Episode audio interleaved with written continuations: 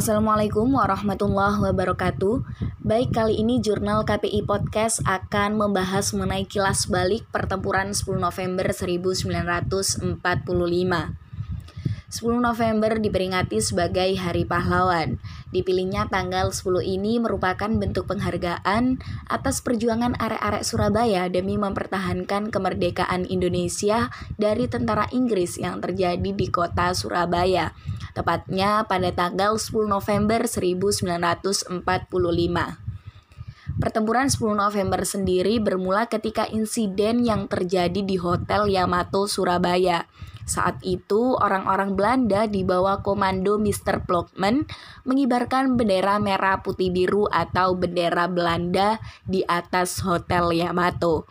Aksi ini memicu kemarahan masyarakat Surabaya.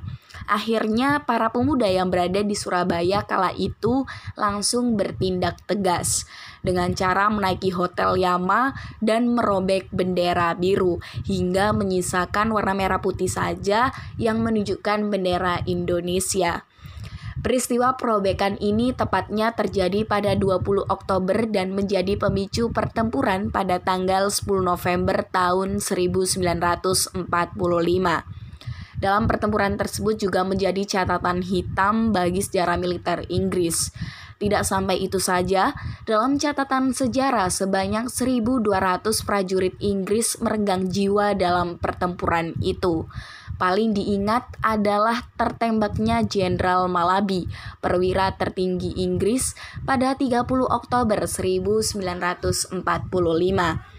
Tewasnya Jenderal Malabi ini membuat Inggris marah kepada Indonesia dan mengakibatkan keputusan pengganti Jenderal Malabi, Mayor Jenderal Eric Carden Robert Mansard, guna mengeluarkan ultimatum 10 November 1945 dan meminta kepada Indonesia menyerahkan persenjataan serta menghentikan perlawanan pada tentara AFNE juga administrasi Nika.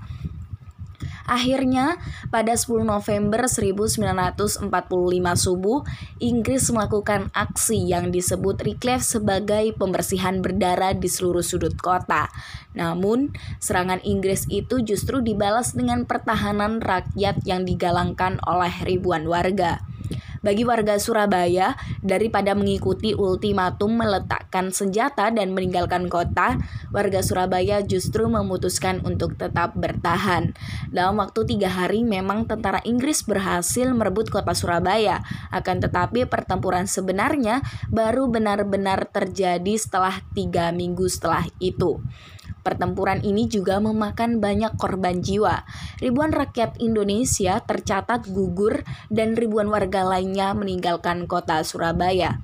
Pertempuran 10 November 1945 itu akhirnya ditetapkan sebagai Hari Pahlawan. Kota Surabaya juga ditetapkan sebagai kota pahlawan. Kemudian ada juga beberapa tokoh yang mempunyai pengaruh dalam pertempuran tersebut seperti Gubernur Suryo dan Bung Tomo. Ada juga Residen Surabaya Sudirman, Dul Arnowo, Dr. Mustopo, dan Ruslan Abdul Ghani serta Sungkono. Selamat Hari Pahlawan 10 November 2019 ada ungkapan, bangsa yang besar adalah bangsa yang menghormati pahlawannya.